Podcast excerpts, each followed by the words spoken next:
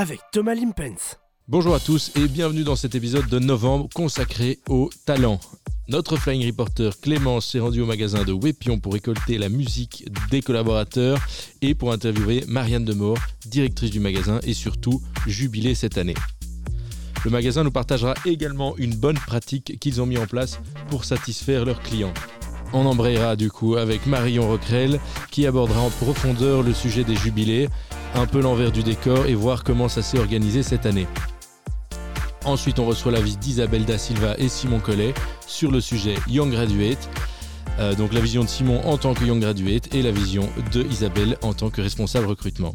Nous avons aussi la chance d'interviewer Mathieu Hulens, directeur e-commerce Data Transformation Digitale, qui a rejoint le COMEX de Carrefour ce 15 septembre. Il nous partagera ses premières impressions chez Carrefour. Mais commençons directement avec Stromae, alors on danse. Danse.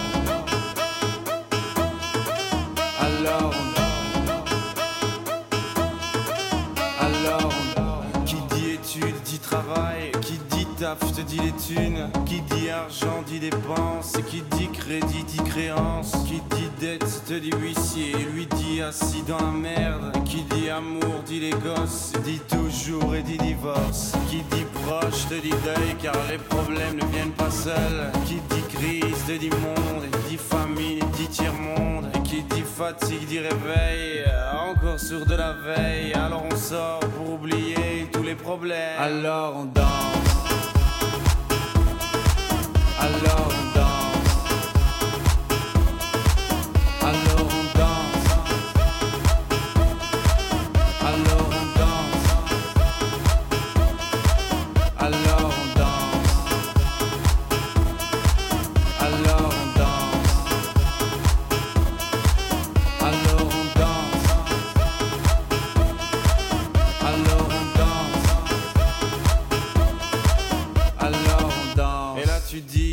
fini, car pire que ça, ce serait la mort. Quand tu crois enfin que tu t'en sors, quand il y en a plus, eh ben y en a encore.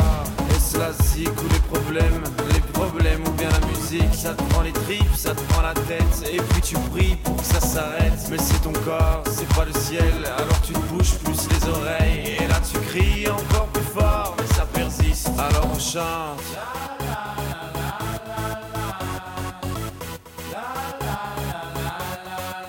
Alors on chante.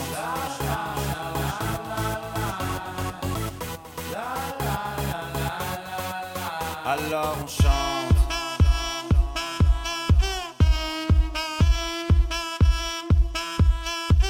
Alors on chante. Et puis seulement quand c'est fini, alors on danse. Alors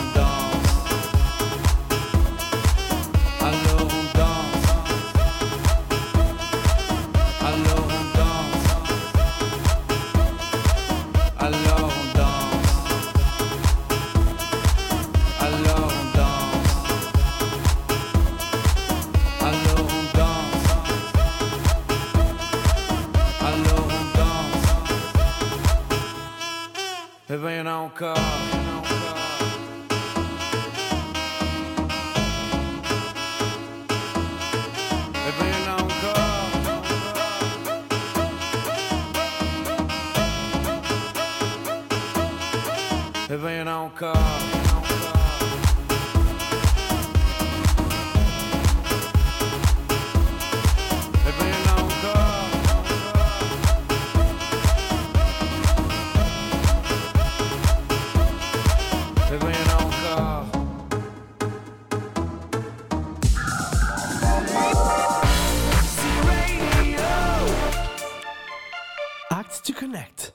On retrouve tout de suite Clémence qui interviewe Marianne Demore, jubilée cette année. Bonjour, je suis actuellement en direct de Wepion avec Marianne Demore, la directrice du magasin. Bonjour Marianne.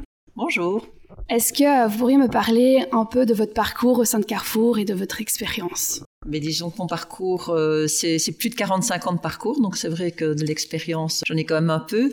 Et puis, ben, savoir par quoi commencer, euh, moi, je ne sais pas ce que vous voulez savoir sur mon parcours en particulier. Euh, mais d'abord, peut-être par où vous avez commencé? Alors j'ai commencé euh, comme étudiante 8 heures semaine euh, dans euh, à l'innovation. Donc j'étais dans la comment dans l'équipe décoration. Donc là je suis restée bah, pendant deux ans en tant qu'étudiante. Et puis après j'ai rejoint un magasin euh, qui était à ce moment-là un prix bas, où j'ai continué dans la décoration avec l'équipe décoration aussi. Et puis après, je suis devenue euh, collaboratrice dans le magasin, et puis assistante, et puis après, j'ai évolué euh, comme manager de rayon, et manager commercial, enfin tout dans des magasins différents. Et puis j'ai travaillé au siège pendant quelques années, le temps au, moment où Carrefour est arrivé en Belgique, mais on a mis en place les concepts dans tous les magasins francophones sur les nouveau concept Carrefour. Et puis après ça, ben, je suis devenue directeur magasin. Non, d'abord, il y a eu l'ouverture de Mons, qui était le seul magasin qui a été ouvert par Carrefour, le tout nouveau magasin euh, qui a été ouvert. Et puis après de là, je suis devenue directrice magasin. Donc maintenant, je suis déjà directrice magasin, je pense, depuis 15 ans à peu près. C'est un beau parcours et euh, c'est vrai que passer par toutes les étapes, ça vous permet vraiment d'avoir une vision globale d'entreprise. Une autre petite question, c'est euh, de savoir qu'est-ce que vous aimez particulièrement dans votre métier, qu'est-ce qui vous drive tous les jours? Ce qui me drive, c'est les employés au quotidien, parce qu'aujourd'hui, quand on est directeur magasin, on n'est pas, pas directeur si on n'a pas des gens autour de nous. Et je pense aujourd'hui, ben, on a beaucoup de gens autour de nous, euh, avec des moments faciles, des moments plus difficiles. Et puis, ben, c'est faire un mix de tout et ça fonctionne super bien. Je pense aujourd'hui, euh, j'apporte aux collaborateurs, j'aime bien les faire grandir, mais les collaborateurs m'apportent beaucoup aussi. Donc, c'est vraiment un win-win et c'est vraiment ce que j'aime bien dans ce métier. C'est vrai que c'est enrichissant de travailler avec d'autres personnes et de challenger tout le monde ensemble. Mais merci beaucoup de m'avoir consacré du temps et euh, bonne journée. Merci, bonne journée à vous aussi. Merci Clémence pour l'interview. Continuons directement avec Firework de Katy Perry. Do you ever feel like a plastic bag drifting through the wind, wanting to start again? Do you ever feel this so paper thin, like a house of cards, one blow from caving in?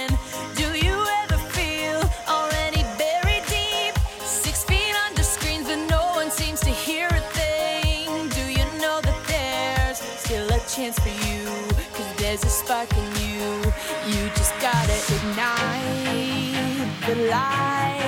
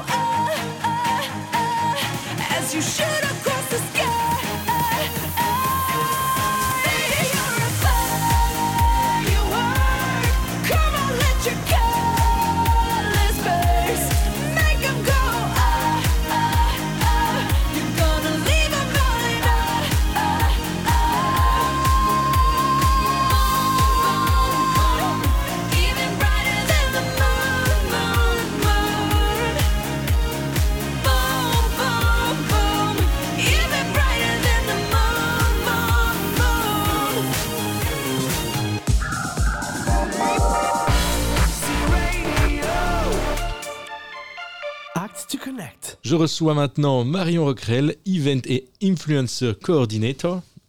Marion, bonjour. Bonjour. Alors Marion, on est là pour parler des jubilés, mais alors un jubilé, c'est quoi?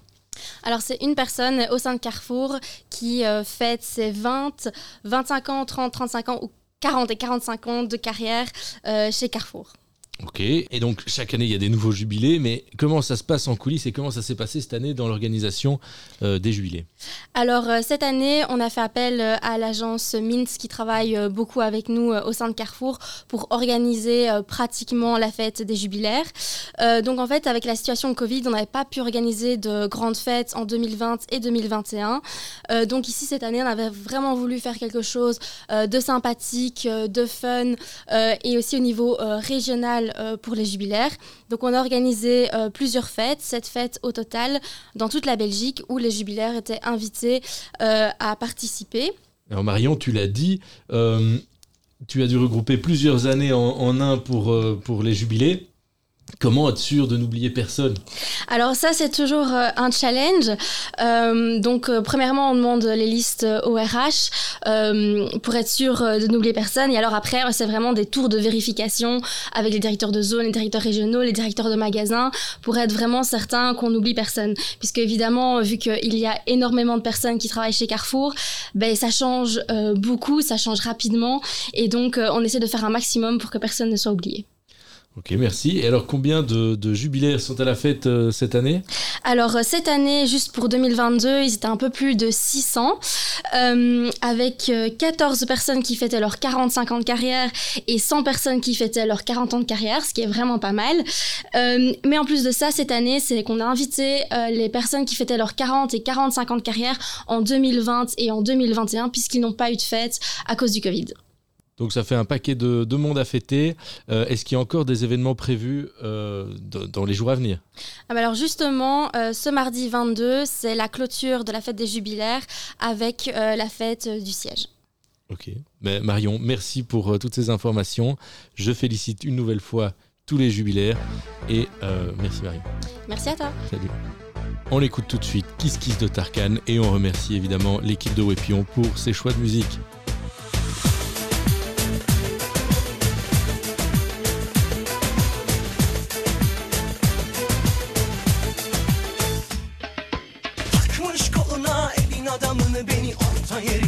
Patlatıyor Ağzında sakızı şişirip şişirip arsız arsız patlatıyor. Belki de bu yüzden vuruldun sahibin olamadım ya. Sağır mı erkek niye seni şımarık değişti mi bu dünya? Çekmiş kaşına gözüne sürme dudaklar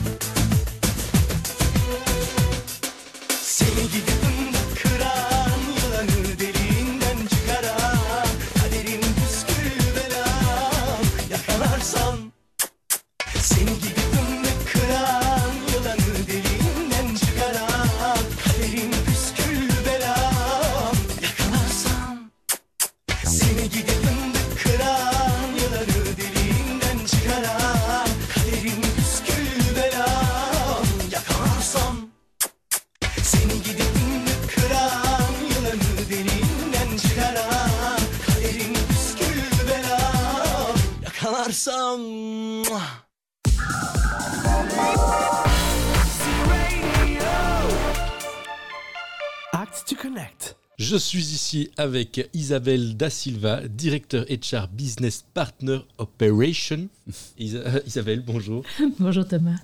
Et je suis aussi avec Simon Collet, Young Graduate Sales. Simon, bonjour. Bonjour Thomas. Alors, Isabelle, on est ici pour parler du programme Young Graduate et c'est pour ça que Simon est dans, dans le studio avec nous. Isabelle, alors Young Graduate, qu'est-ce que c'est? Eh bien, c'est quelqu'un de super d'abord, Ça, c'est bien. n'est-ce pas Simon? C'est un jeune diplômé qui a moins d'un an d'expérience, qui souhaite avoir une vie passionnante chez nous et qui va apprendre tous les métiers de la vente en vue de devenir directeur de magasin market. Et puis, parfois, il se fait qu'il devient aussi, avant cela, euh, manager commercial en hypermarché. Dieu sait qu'on a beaucoup de métiers à apprendre chez nous. Alors, Simon, je vais vers toi. Euh, comment es-tu arrivé chez Carrefour? Eh bien, moi, j'ai étudié le droit pendant 5 ans. Euh, rien ne me prédestinait à arriver chez Carrefour, pour le coup. Et c'est au détour euh, d'un clic sur les réseaux sociaux, j'ai vu l'offre passer. Euh, je ne savais pas trop vers quoi me diriger, donc j'ai postulé et le chemin a commencé comme ça. Tout a bien matché avec les recruteurs, etc. L'ambiance, les, les, les expectatives pour le futur, etc. Donc c'est comme ça que je suis arrivé chez Carrefour. On a besoin de juristes en magasin, ça c'est sûr. Euh, et donc, qu'est-ce qui t'a attiré dans le programme Euh, Est-ce qu'il y a des, est-ce qu'il y a des, des- des trucs particuliers qui t'ont attiré par rapport à d'autres offres? Ben, Isabelle déjà, par sa joie de vivre. Ensuite, euh, je dirais que c'est la diversité et la richesse que proposait le programme. J'avais envie de continuer à apprendre, euh, ne pas rester dans ma zone de confort après ces 5 ans de droit.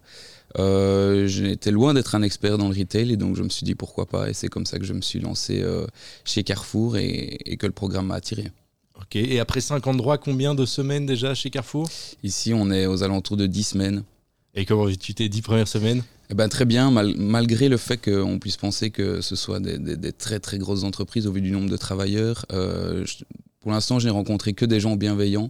Euh, clairement, une entreprise à taille humaine, tout le monde essaye de se rendre disponible au maximum. Et c'est super important pour moi de pouvoir avoir des retours de, de gens qui ont de l'expérience, etc. Parce que je pense que c'est comme ça qu'on peut évoluer le plus rapidement possible.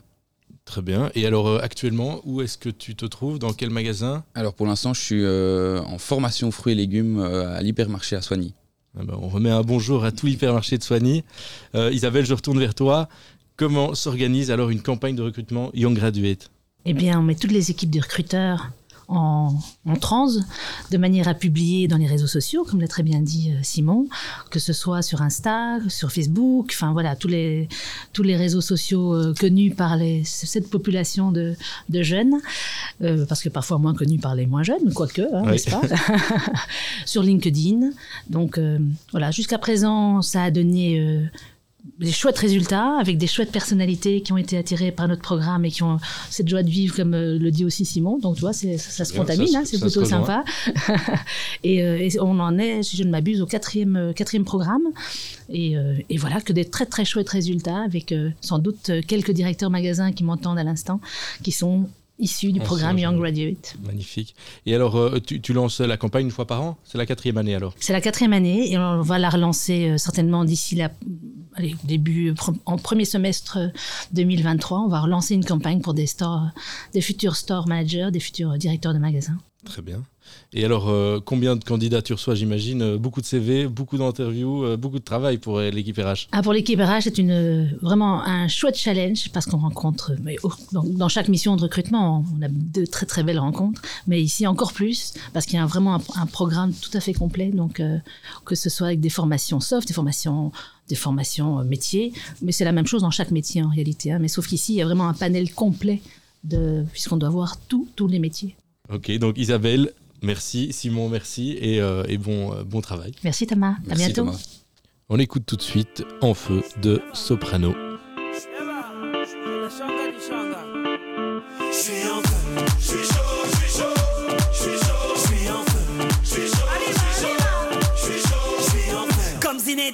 Face à l'équipe du Brésil.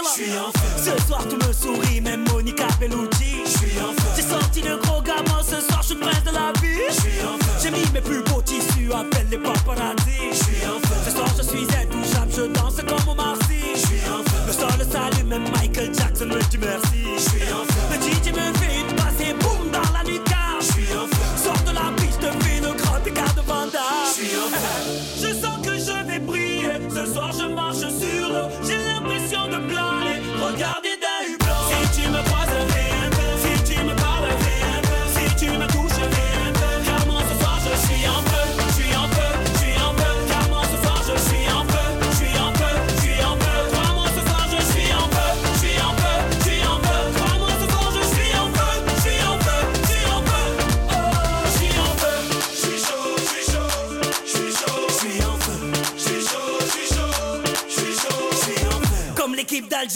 en Coupe du Monde au Brésil. Ce soir je suis un warrior. Appelle-moi Stephen Curry. Je sors de deux heures de sport. Ramène-moi des tirineurs. Comme ce grand blondinier énervé contre Freezer. Ce soir je ne joue pas mais je repars avec les trophées. Tu m'appelais Kirikou. Ce soir je suis John Covey. Comme la sœur de Beyoncé dans l'ascenseur avec Jay-Z. Ou comme les trois petits à 6 heures du mat sur mon lit. Je suis feu. Je marche sur l'eau. J'ai l'impression de planer. Regardez d'un hublot. Si tu me croises, viens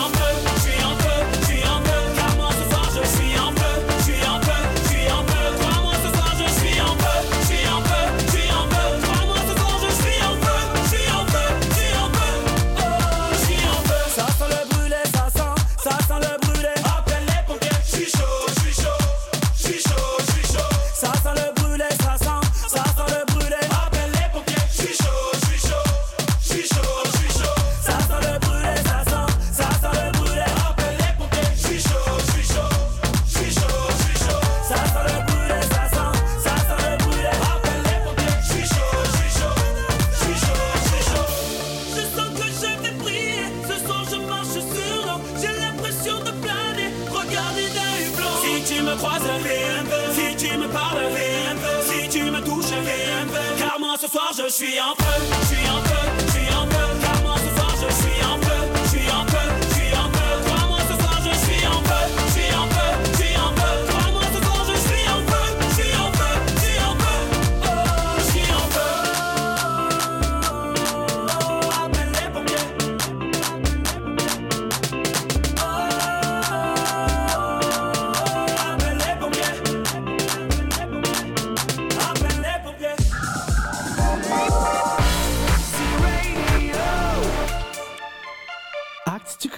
On enchaîne directement avec Voyage Voyage de Désirless.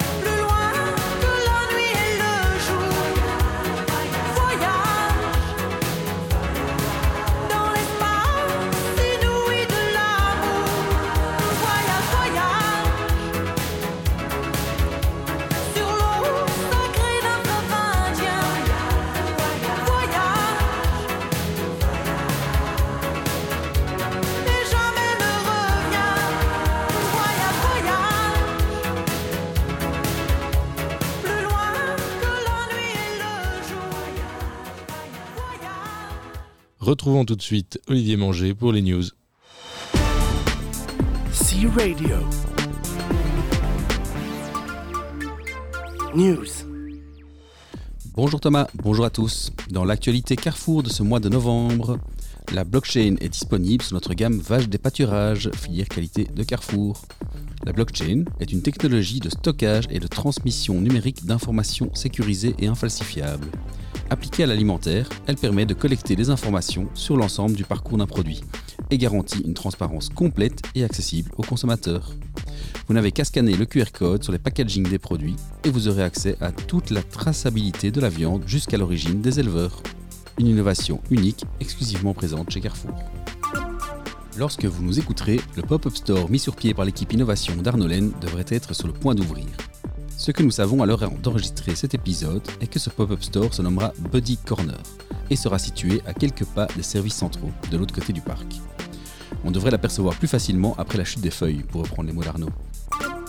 Le 8 novembre, Alexandre Bompard a présenté le plan stratégique 2026. Un nouveau chapitre marqué par l'inflation et le réchauffement climatique. La transition alimentaire restera notre cap. D'ici 2026, 40% du chiffre d'affaires sera réalisé avec notre marque propre. L'hypermarché devra redevenir un format populaire avec une image discount grâce à la méthode Maxi. Les 100 plus gros fournisseurs devront respecter des objectifs climatiques de maximum 1,5 degré sous peine d'être déréférencés. Carrefour poursuivra le développement d'Act Foot avec un assortiment durable et se lancera dans la production d'énergie renouvelable. Ensuite, Alexandre Bompard a insisté sur la volonté d'augmenter la promotion interne, la présence des femmes dans les postes de management, ainsi que le nombre d'employés en situation de handicap. Voici les grandes lignes du plan stratégique que nous découvrirons plus en détail dans les prochaines semaines. C Radio.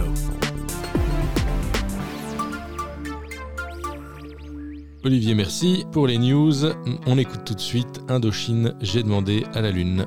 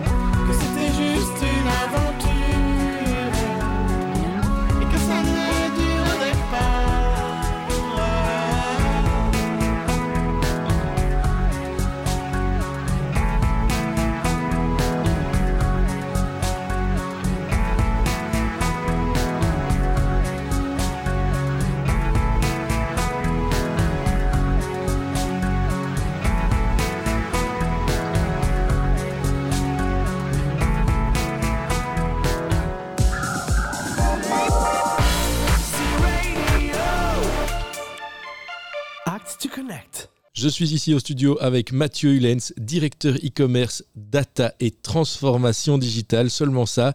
Mathieu, bonjour. Bien le bonjour. Donc Mathieu, tu viens de nous rejoindre. Euh, je voudrais d'abord entendre un peu de ton parcours. Euh, qui es-tu? Euh, donc moi personnellement, je suis un expert dans le digital. J'ai travaillé dans beaucoup de sociétés différentes. J'ai débuté ma carrière dans des boîtes très avancées dans le digital. Donc j'ai commencé chez eBay. J'ai travaillé ensuite chez Vente Exclusive, aujourd'hui connu sous le nom de VP et plus connu le jour des poubelles à carton pour toutes les petites boîtes roses qu'on peut voir dans la rue. Après ça, j'ai travaillé aussi pour des boîtes plus traditionnelles pour aider les boîtes à passer à l'ère du digital. J'ai travaillé entre autres dans la lingerie chez Van de Velde à Schellebelle derrière Gand. Et puis j'ai travaillé également après ça pour Arvesta, plus connu pour ses 250 magasins AVV en Belgique. Un parcours euh, très impressionnant, merci Mathieu. Alors tu nous as rejoint le 15 septembre cette année, ça fait déjà quelques semaines, un, petit mois. Que penses-tu euh, de ton arrivée chez Carrefour Que penses-tu de, Carrefour? Mais comme je viens de vous l'expliquer, mon expérience était plutôt dans le digital et pas vraiment dans le retail. Donc j'ai fait beaucoup d'industrie. Donc moi j'ai essayé de passer énormément de temps en magasin au début. Je remercie d'ailleurs la patience de tous les magasins chez qui je suis passé. Et ce qui pour moi a été la plus grande découverte, c'est la richesse de notre métier. C'est tous les différents éléments qu'on ne voit pas quand on est client et qu'on passe en magasin, mais qui rendent quelque part l'expérience des clients en magasin euh, ce qu'elle est aujourd'hui. Et l'autre chose qui m'a touché aussi, c'est en fait la passion des gens et des collaborateurs. Je pense que les gens chez Carrefour vivent énormément Carrefour et c'est quelque chose qu'on ne voit pas dans beaucoup d'autres sociétés, en tout cas pas à ce point-là. Merci Mathieu, je suis sûr que euh, t'entendre dire ça leur fera un grand plaisir. On fait un petit break musical avec Imagine Dragon Enemy. I wake up to the sounds of the silence that allows for my mind to run around with my ear up to the ground. I'm searching to behold the stories that I told when my back is to the world that was smiling when I turned.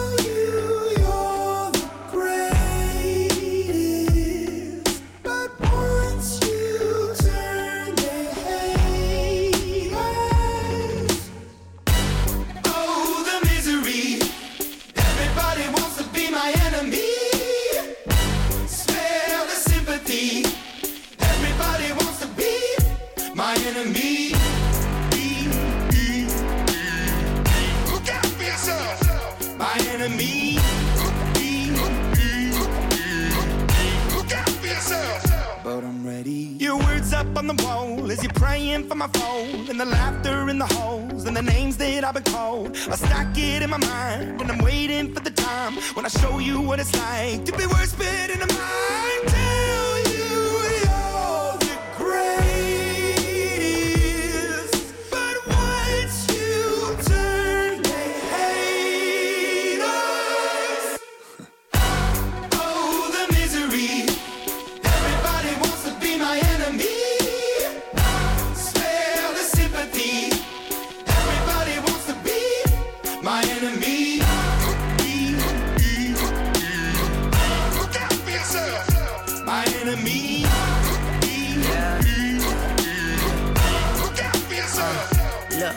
Okay, I'm hoping that somebody pray for me. I'm praying that somebody hope for me. I'm staying where nobody supposed to be. Papa posted, being a wreck of emotions. Ready to go whenever you let me know. The road is long, so put the pedal into the flow. The energy on my trail, my energy unavailable. I'ma tell him I still away go. Hey, when I fly on my drive to the top, I've been out of shape, thinking out the box. I'm an astronaut. I blasted off the planet, rock that caused catastrophe, and it matters more because I had it. Now I had I thought about wreaking havoc on an opposition, kinda shocking. They want a static with precision. I'm automatic, quarterback. I ain't talking second packet, pack it up on panic, batter, batter up. Who the baddest? It don't matter, cause we is your Everybody wants to be my enemy.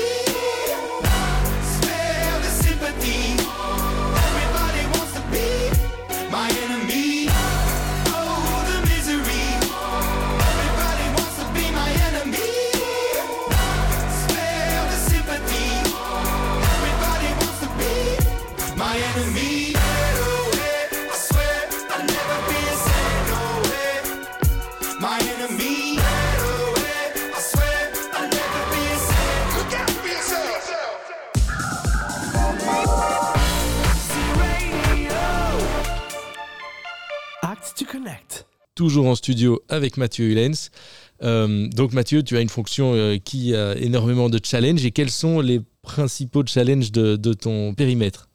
Donc le principal challenge du digital, comme dans toute société, est en fait de démarrer à la base, c'est-à-dire de démarrer chez le client. Et donc je pense que ici aujourd'hui, ce qui va être le plus important, c'est de comprendre comment est-ce qu'on peut aider le client. Alors à côté de ça, le digital doit aussi soutenir la, stratégie générale du groupe. Comme on le sait, on est pour le moment dans un environnement plus compliqué en Belgique et là, il va falloir comprendre comment est-ce que le digital peut s'inscrire pour les besoins du client, mais on peut aussi répondre à ce challenge économique un peu plus compliqué pour le moment. Si je veux être un peu plus concret à ce niveau-là, qu'est-ce que ça veut dire pour Carrefour aujourd'hui surtout pour l'année prochaine? Mais ça veut dire qu'il y a plusieurs choses qu'il va falloir faire. Un, je pense qu'il va falloir soutenir vraiment le cœur de notre métier. Et quand je dis le cœur de notre métier, je pars en premier du, du point de vue du magasin. Donc je pense que le digital va vraiment devoir soutenir le magasin l'année prochaine. Pourquoi les magasins? Parce que c'est là que vont nos clients aujourd'hui. Et c'est là où se trouve ce cœur de métier qui est si important pour eux. À côté de ça, j'aimerais bien que le digital supporte aussi tous les processus en interne de la société pour faciliter ces processus et diminuer le niveau de complexité de certains d'entre eux. À côté de ça, à côté du cœur du métier, on parlait justement de la partie client et de la partie omnicanal qui est très importante. Et là, je pense qu'il y a deux choses qu'il faut développer. La première partie, c'est la partie data.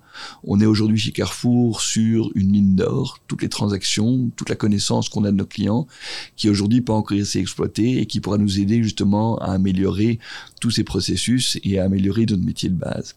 À côté de ça, il y a la partie e-commerce dont on a parlé. Et là, il faudra s'assurer qu'on soit présent là où notre client nous attend.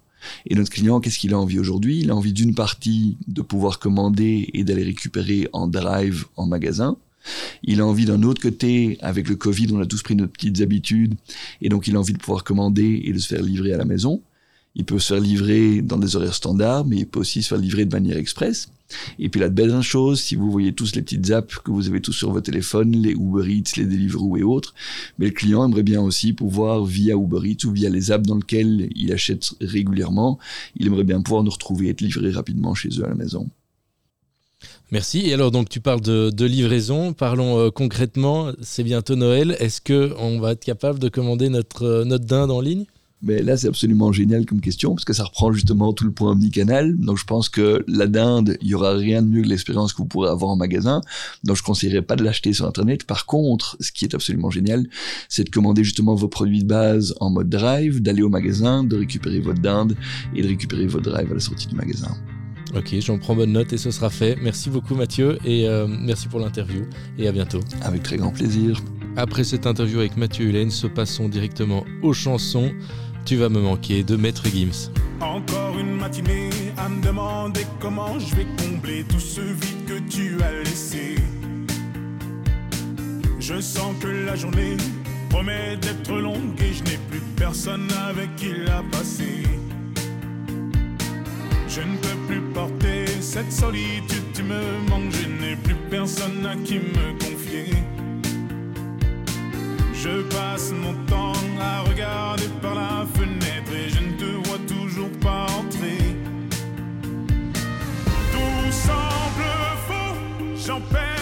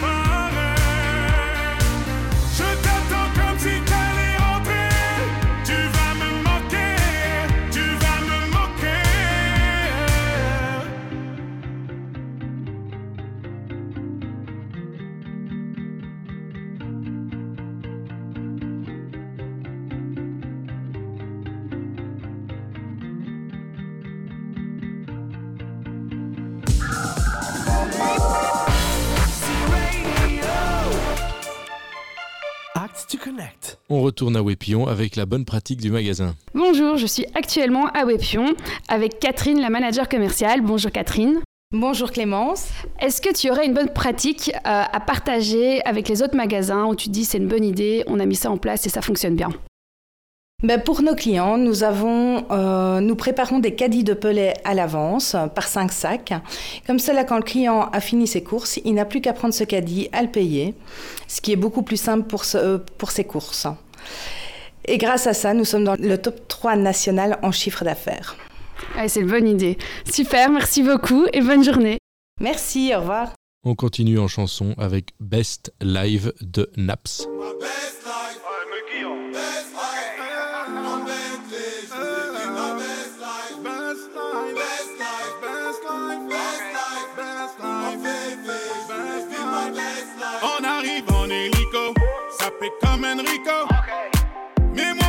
C'est trop hala en écho. Millions d'euros de déco, sois pas jaja, c'est ma pinko. Moi je prends des selfies jusqu'à Porto Rico. J'avais la haine, j'ai joué jusqu'à lundi. J'ai le temtem, j'ai mis le sac à lundi. Et la Zina, elle s'habille tout en Fendi. J'suis sur TikTok, elle fait la danse des bandits. J'suis dans des bails de fou, tu vois, c'est pas compliqué.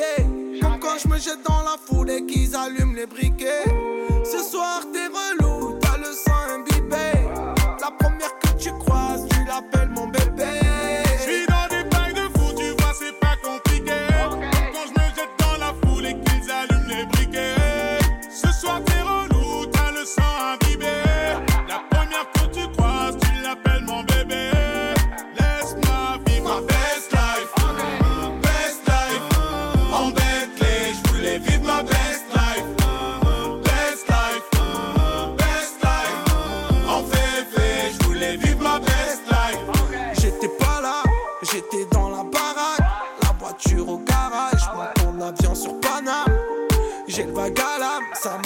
j'ai l'alarme. Tu peux fumer, j'ai mis la soquette sur l'alarme. Qui t'a dit que j'étais fauché? Je viens d'atterrir au Bourget Dans le fond tout m'a coudé Je les vois tous jalousés Je suis très organisé Des petits j'avais bougé Je suis en airplay tout l'été Le je l'ai pas fêté J'suis dans des bails de fou, tu vois, c'est pas compliqué. Comme quand je me jette dans la foule et qu'ils allument les briquets.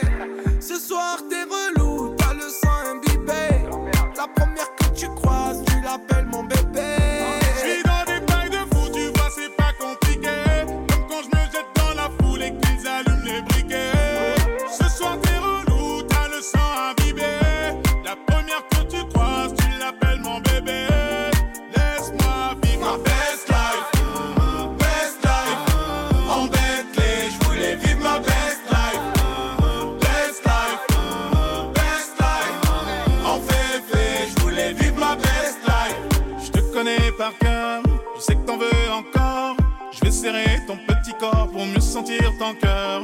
Je te connais par cœur. Je sais que t'en encore. Je vais serrer ton petit corps Pour mieux sentir ton cœur. Ma best life, best life. En Bentley, j'voulais vivre ma best life. Best life. Best life. En féfé J'voulais vivre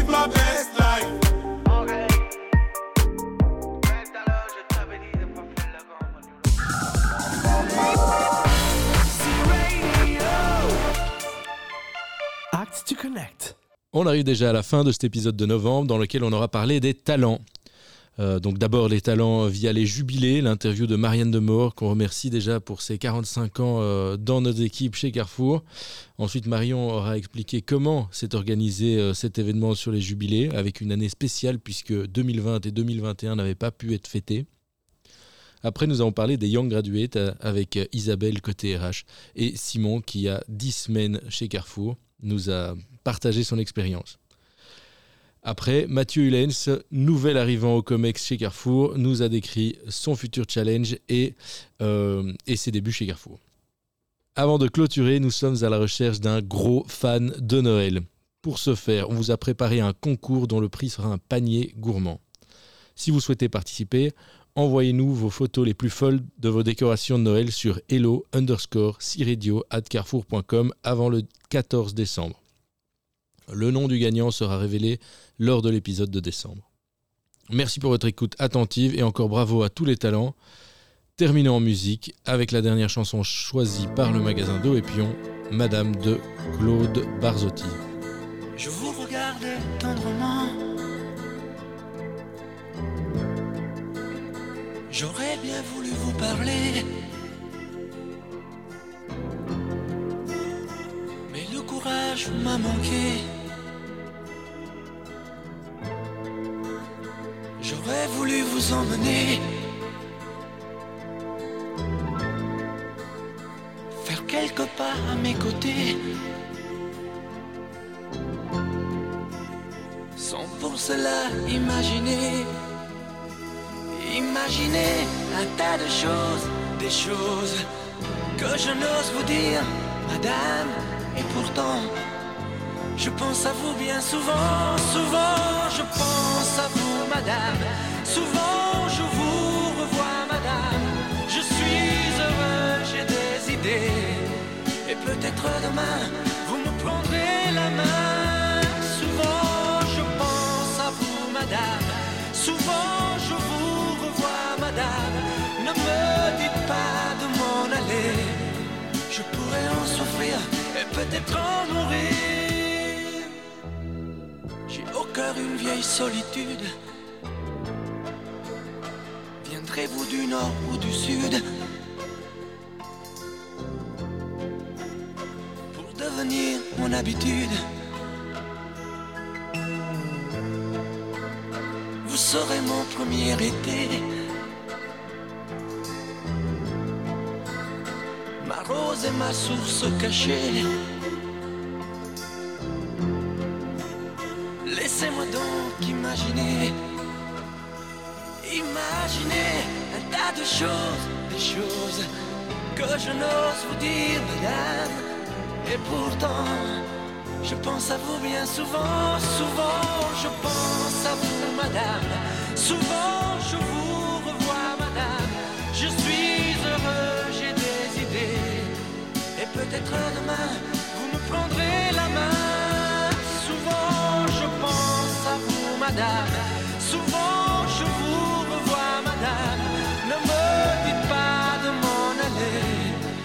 Pourrais en souffrir et peut-être en mourir. Souvent, je pense à vous, madame.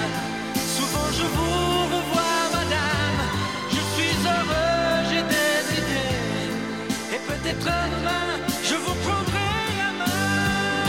Souvent, je pense à vous, madame. Souvent, je vous revois, madame. Ne me dites pas de m'en aller. Je pourrais en